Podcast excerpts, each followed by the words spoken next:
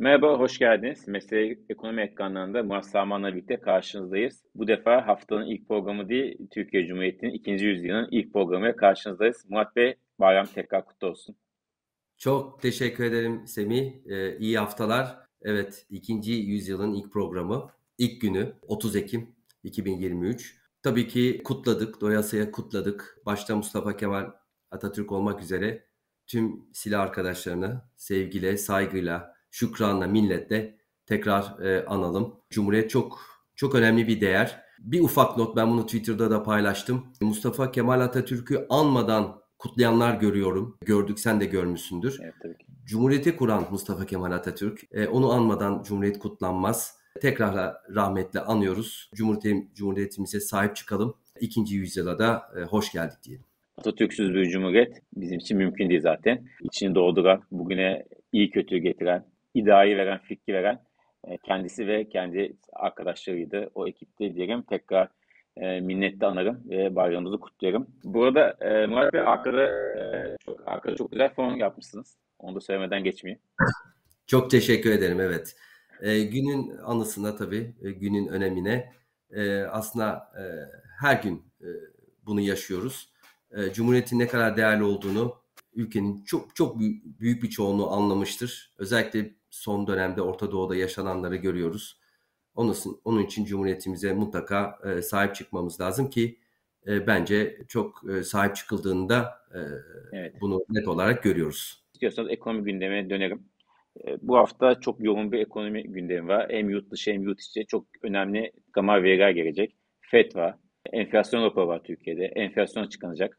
Bunların hepsini konuşacağız. Zaten piyasaları konuşacağız. Savaş beklentileri, savaşın gidişatından dolayı piyasa e, ondan çok etkileniyor. Onu da konuşacağız. E, nereden başlayalım? İstiyorsanız siz hangisini en önemli görüyorsunuz bu hafta gelişme? Birinci sanınızda ne var? Önem sırasına bakarsak çünkü hayat devam ediyor. Ekonominin e, çok önemli bir yeri var ve bu hafta gerçekten böyle kullanmayı da sevmiyorum. Çok kritik hafta bu artık yani çok klişe bir cümle oldu biliyorsun. Evet tabii ki önemli bir hafta ama e, geçen hafta da önemli bir e, toplantı vardı. E, Merkez Bankası politika faizini 30'dan 35'e çıkardı.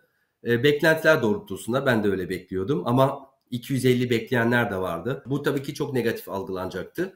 35'e çıkması faizin evet yıl sonuna beklentiyi biraz 40'lara doğru çıkarttı. Yani kalan iki toplantıda 250-250 yapıp herhalde 500'lük adımlar bitti diye düşünüyorum. 250-250 e, adımlarla herhalde yıl sonunu 40'la e, kapatacağız. Ki benim uzun yani bir iki aydır beklentim de bu şekilde. Diğer taraftan tabii enflasyon bence önemli bir veri bu hafta. Semi beklentiler %4-5 civarında ortalama herhalde 63 civarında 62-63 civarında bir enflasyonla karşılaşacağız yıllık bazda. Yıl sonu beklentilerde herhalde 70'e oturacak gibi gözüküyor. Fed'in toplantısı aslında çok önemli ama şu şekilde e, belki de bir arka planda çünkü artık faiz arttırım ihtimali sıfır gibi yani pas geçecek.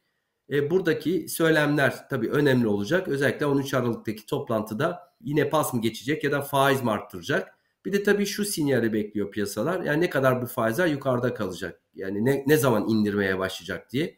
Yani şu anda herhalde yılın ikinci yarısı, gelecek senenin ikinci yarı, yılın ikinci yarısında gibi faiz indirimlerine tekrar başlayabilir e, FED diye e, söyleyebiliriz. Tarım dışı istihdam verisi de e, gelecek. Enflasyon raporu Sayın Hafize Gaye Arkan'ın ikinci biliyorsun enflasyon e, raporu olacak. Ben ilkine fiziksel olarak katılmıştım. E, bunu uzaktan izleyeceğim. Buradaki beklenti enflasyondaki bir revizyon. Muhtemelen de yukarıya doğru revize edecek enflasyon ama ne kadar yapar bilmiyorum. Piyasa gelecek sene için biliyorsun 45 civarında bekliyor. IMF 46 bekliyor.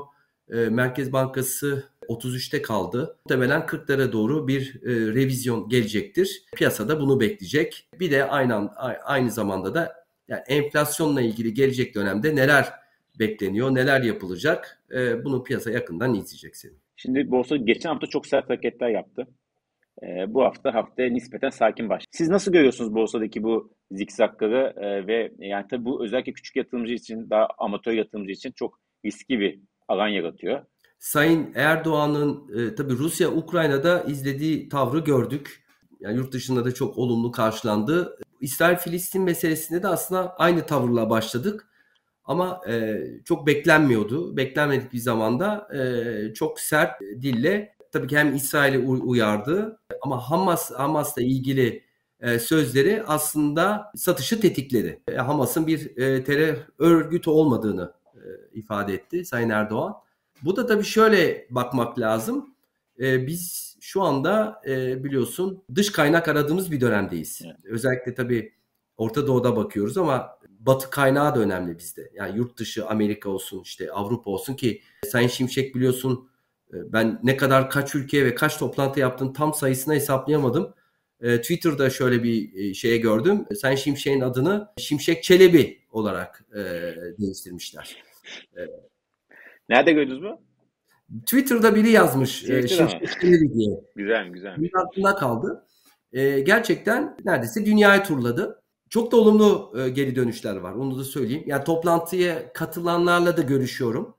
E, hepsiyle değil ama bazı toplantılara katılanlarla da görüşüyorum. Gay- gayet çok güzel geri dönüşler var. Toplantılar var. Herkes tarafından çok beğeniliyor ama sonuçta icata döndü mü şu anda? Tam dönmedi. Sonuçta istediğimiz kaynak şu anda gelmiyor. E, gelmemesinin bence iki tane ana sebebi var. E, birincisi tabii Sayın Erdoğan'ın acaba ne kadar Sayın Şimşek evet Sayın Erdoğan bizim arkamızda demesi evet önemli ama ne kadar sürecek? Biraz daha zamanla görmek istiyorlar. Bence bir de ikincisi de seçim var. Bence seçimi beklemeyi tercih ediyorlar. Çünkü seçimden önce genişlemeci politikalar izlendiğini biliyoruz. Orada acaba sıkıntılar çıkar mı çıkmaz mı bu yeni politikayla ilgili? E, bence seçimi bekleyecekler ve Sayın Erdoğan'ın ne kadar programın arkasında olup olmadığını görmek istiyorlar. Borsada bu yüzden mi yani bir aşamaya geçemedi artık yani borsa yabancı yatırımcı mı bekliyor? Bu dönemde yabancı girmez. Bir de biliyorsun jeopolitik gelişmeler var şimdi. Şimdi daha da beklemeyi tercih ederler. Bu jeopolitik gelişmelerde şunu da söyleyebilirim. Katar'dan gelen işte bir haberler vardı. İşte Cuma günü bir ateşkes olabilir falan diye. O tabii ki hani bugün bir ateşkes olsa tabii ki borsa ciddi bir şekilde yukarıya gider. Yani ciddi bir rally yaşanır. 2.65-2.70 ee, dolar bazında seviye seviyelerindeyiz. Yani bunun 3 sent biliyorsun uzun zamandır 3 senti evet. söyledik. 3 sentin üzerinde olması lazım. Yani şöyle baktığın zaman %10 ile 15 arasında bir potansiyele sahip. E, bu jeopolitik gelişmeler arkamızda kaldıktan sonra aynı zamanda biliyorsun bilanço sezonundayız ve iyi bilançolar geliyor. İşte gelecek dönemde Anadolu grubunda Anadolu Efes var, Türk Hava Yolları var. Yani önemli şirketler gelecek. Cuma günü Şişecam olumlu geldi. Baktığın zaman bilançolar beklendiği gibi yani iyi bekleniyordu. O şekilde e, bilançolar geliyor. Fakat bu jeopolitik gelişmelerden dolayı tam olarak bilançolar e, iyi bilançolar tam istendiği gibi e, borsada fiyatlanmadı. Yani bir ateşkesle ilgili olumlu gelişmeler e, borsayı yukarıya çıkaracak. Benim düşüncem 7500 artık orası gerçekten e, önemli bir destek çok olağanüstü gelişmeler olmazsa Semih yani dışarıdan özellikle jeopolitik anlamda e, ya da içeride herhangi bir olumsuz bir gelişme olmazsa herhalde oraları e, ben biraz dip olacağını düşünüyorum. Yani 7500-7300 arası kesicilerin çalıştığı yerlerde ben artık orası e, dip olacağı ve bundan sonra hani biraz yatay ama bilanço sezonun olumlu olmasıyla birlikte yukarı bir hareket olabileceğini düşünüyorum. Jeopolitik gelişmeler buna el verir, e, yardımcı olursa yazık oldu değil mi Bianco'ya? Esasında iyi Bianco yazık oldu. Yani tabii tabii. Yani şu anda e, çok rahat 8500 9000 yani bu jeopolitik gelişmeler olmasaydı benim düşüncem çok rahat 9000'lerin üstündeydik şu anda bu bilanço e, döneminde. Dövizde ne görüyorsunuz? Gerçi dövizde çok stabil bir tablo var. Yine bugün de mesela haftaya çok e, her hafta her gün ortalama işte binde 2 binde 3 yukarı gidiyor. Evet. Yine bu pazartesi de aynı şekilde açıldı. 28-23 biz bu yayın yaparken. Ne diyorsunuz bu düzenli kontrolü artış herhalde devam edecek değil mi? Bu da çünkü devam, bir devam. strateji var.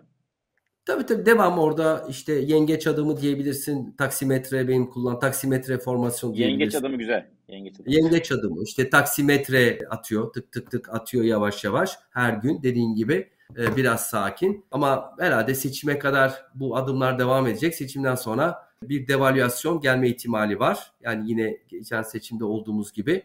E, biliyorsun kurda OVP'ye göre zaten e, beklentiler yukarıda. Kurda bir e, devalüasyon. Zaten ihracatçılar da artık e, muhtemelen söylenmeye başlayacak ki başlandı biraz. Çünkü biliyorsun bir taraftan maliyetler artarken kur sabit kalarak ve fiyatlar da değiştirmedikçe sürece şu anda e, ihracatçılar için e, problem olmaya başlayacak bu kurlar. Onu da söyleyeyim.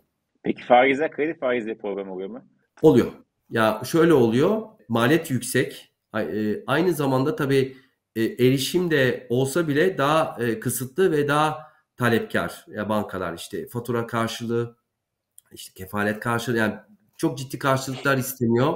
Zaten biliyorsun Merkez Bankası'nın açıklaması var. Daha çok seçici krediye e, gidilmesi isteniyor. Yani kredi daha önce gördüğümüz o ciddi kredi genişlemesi bu sefer olacağını düşünmüyorum. E, daha seçici olacak e, krediler ama dediğim gibi e, hem maliyet yüksek hem de erişim eskisi kadar e, olmayacaktır. Mevduatlar enteresan çok e, artmıyor. E, yani Merkez Bankası faiz arttırdı ama mevduatlar artmadı o kadar. E, böyle 40 sınırında evet. e, kaldı gibi. E, bir ara, bir ara 40 aşmıştı Murat Bey. Sonra 50, 50'yi gördük. 50'yi gördük mevduatta. Ne oldu ne değişti? Orada yani bir... Ya şey, eski bankacı olarak da e, biraz e, burada bir iki e, söz edebilirim. Şöyle benim gördüğüm kredi biliyorsun artış hızı çok yavaşladı. Bankalar eskisi kadar kredi vermiyor. Bir de bol TL var artık Semih. Şimdi KKM'den dönen biliyorsun miktarlar çoğu mevduat faizde dönüyor. Oradan bir dönüş var. E, dolarizasyon sınırlı şu anda. Yani kimse döviz almıyor yani. Çok sınırlı bir döviz alışı var. E, kısmı zaten KKM'de. E, onun için bol bir TL e, dönemi, daha e, sınırlı kredi artışı. Onun için tabii bir e, mevduat yarışı, TL e, mevduat yarışı görmüyoruz şu anda. Peki KKM. E, şimdi düşüşler sürüyor. Biliyorsunuz e, özellikle son 2-3 hafta her hafta yeni bir rekor kırıyor diyebiliriz. Giderek artıyor KKM'deki. Özellikle tabii TG, TG cinsinden yani döviz dönüşümü diye. Siz orada nasıl bir seri bekliyorsunuz? Şöyle KKM'den çıkışlar devam edecek onu söyleyeyim. Yani her hafta devam edecek. Bugün mevduat faizine şöyle düşün. Yani 40 40 da olsa e, sınır KKM faizinin neredeyse iki katı e, veriyor. Tabii ki hala mevcut enflasyonuna göre düşük ama işte beklenilen enflasyona sonuçta çok uzak değiliz. Yani 45 gibi e, bekliyoruz e, enflasyonu gelecek sene mevduat faizlerinin tabii biraz daha yüks- yükselmesi gerekiyor. Yani KKM'den eğer çıkış isteniyorsa e, mevduatların belki de 45-50 bandı arasında oturması KKM çıkış açısından daha pozitif e, olacaktır. O da gelecek dönemde bunu yaşayabiliriz. Özellikle, özellikle yıl sonuna doğru. Şöyle düşün yani 40 gibi bir politika faiziyle kapatma ihtimalimiz yüksek e, Aralık ayında. E, orada mevduatlar muhtemelen 45-50 arasında e, olacaktır. KKM'den çıkış zaten isteniyor. E, böyle bir e, zaten çalışma var. Devam edecek e, ama daha önceki programlarda söylediğim gibi e, tabii ki KKM'deki çıkış e, beklediğimi uzun zamandır ifade ediyorum ama çık, ben bunun tamamen bundan kurtulmamız 2025'ten önce olmaz. Yani e, şöyle beklemesin kimse yani böyle Nisan 2024'te KKM bitti. Yok yok. Yani KKM muhtemelen bizim tam KKM'den kurtulmamız e, 2025'te olacak. Daha, daha çok konuşacağız o zaman. Daha çok. Peki şimdi altına bakalım. Artık sonuna yaklaşıyoruz. Savaştaki seri altını direkt etkiliyor tabii. Şu an tam 2000'in altında ons. E, 1996 benim gördüğüm. E, evet. Tam o 2000 oradaki hem psikolojik sınır hem de önemli bir eşik. E, ne diyorsunuz? 2006 üstü altının seri nasıl olacak sizce?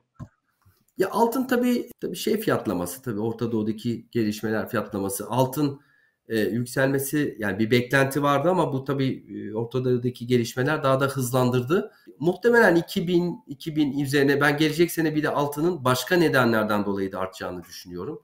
E, bu sefer Fed'in işte faiz indirimleriyle birlikte e, orada altında potansiyel e, olacaktır. E, enflasyonist hala bir ortamdayız. Altında yarıyor bunlar. Bir de tabii ki jeopolitik gelişmelerin devamı. Orada tamamen yani ne olacağını bilmiyoruz açıkçası.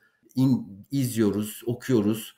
Ee, yani bu iş büyüyebilir diyenler var ama son dönemde sanki hani yani bitecek Birleşmiş Milletler'in biliyorsun şey çok önemli e, bence e, çağrısı, ateşkes çağrısı. Evet. Yani ülkelerin %80-90'ı e, bilirim tam sayı e, aklımda değil ama %80-90'ı zaten ateş, ateşkes e, çağrısı yaptı. O zaman tabii altında biraz bu yükseliş ya biraz yavaşlar. Yani direkt aşağı geleceğini düşünmüyorum. Belki de bir miktar aşağı gelebilir ama tekrar e, ya 2000 civarında kalmaya devam eder diye düşünüyorum ben altın için. Peki madem böyle soruyoruz, Euro dolar paritesine sorayım. 1.0586 e, biz bu yayın yaparken. E, orada ne görüyorsunuz? Orada tabii Avrupa Merkez Bankası'nın faiz arttırımları daha olası bundan sonra e, muhtemelen. Yani şöyle paritede e, sanki böyle bir yani 0.4'ler, 1.03, 1.04'ler artık orası da dip gibi. Ya biliyorsun birin altında bekleyenler var. Ben çok öyle olacağını düşünmüyorum. Yani çünkü bir Avrupa'da faiz artışları bir, bir miktar devam edecek ve Fed bir yerden sonra zaten faiz indirecek. Amerika'da zaten e, bir ara Merkez Bankası Başkanı iken bir açıklama yapmıştı. Hiç unutmam. Trump da yapmıştı o açıklamayı. Euro doların böyle çok 1.05, 1.04'ün altını istemediklerini ifade etmişlerdi. Yani orada 1.03, 1.04 artık sanki destek gibi gör, görülüyor. Yani yukarıya doğru biraz daha sınırlı. 1.07, 1.08 yani çok böyle dar bir yerde bir, bir süre kalacağız gibi e, gözüküyor ama ben bir yerden sonra yukarıya gideceğini düşünüyorum paritenin. Peki son olarak bir tahmin daha sizden rica edeyim. E, enflasyon ne bekliyorsunuz? Yani %5 civarında bekliyorum. Yani 63 civarında falan yıllık enflasyonda öyle bir şey bekliyorum. Ya oralarda çıkar yani %4 ile %6 arasında bir yerde e, çıkar diye e, düşünüyorum. Yıl sonu da muhtemelen 70'e yakın bir yerde olabiliriz. 67, 68 oralarda yılı bitireceğiz. 70'in bir tık altında bitireceğiz diye gözüküyor. Yani aylık performans, aylık şeysi biraz düşmek iyi mesela çok yüksek bir enflasyon değil? Ya tabii ki yüksek. Yani şimdi bak aylık yüzde beş yani dile kolay. Bugün e, e, Avrupa'da Amerika'da bunu yıl, yıllık enflasyonla hani biliyorsun yüzde beşten çok rahatsızlar. Bu da yıllık. Yani tabii ki yüzde beş çok yüksek bir enflasyon e, aylık bazında. Ana konu da bu. Yani mutlaka enflasyonun düşürülmesi lazım. Ama maalesef bunu yetkililer de söylüyor. Gelecek sene yazdan itibaren e, baz etkisiyle bir düşüş e, görmeye başlayacağız e, hala e, maalesef e, yüksek enflasyon hayatımızda olmaya devam edecek. Ne diyeyim? Umarız ikinci yüzyılımızda enflasyon dahi bu tip sorunlarımızın birçoğunu geride bırakmış oluruz Murat Bey. Çok sorunumuz çok. İyi taraflar da var ama kötü taraflar da e, maalesef çok. Hem ekonomide hem farklı alanlarda. Çok teşekkür ederim. Çok sağ olun. Evet. E, güzel güzel e, bir yüzyıl olsun diyelim artık. Gelecek nesiller için güzel yıllar herkesi beklesin diye teşekkür ederiz. Hafta kendinize çok iyi bakın. Görüşmek üzere. Görüşmek üzere.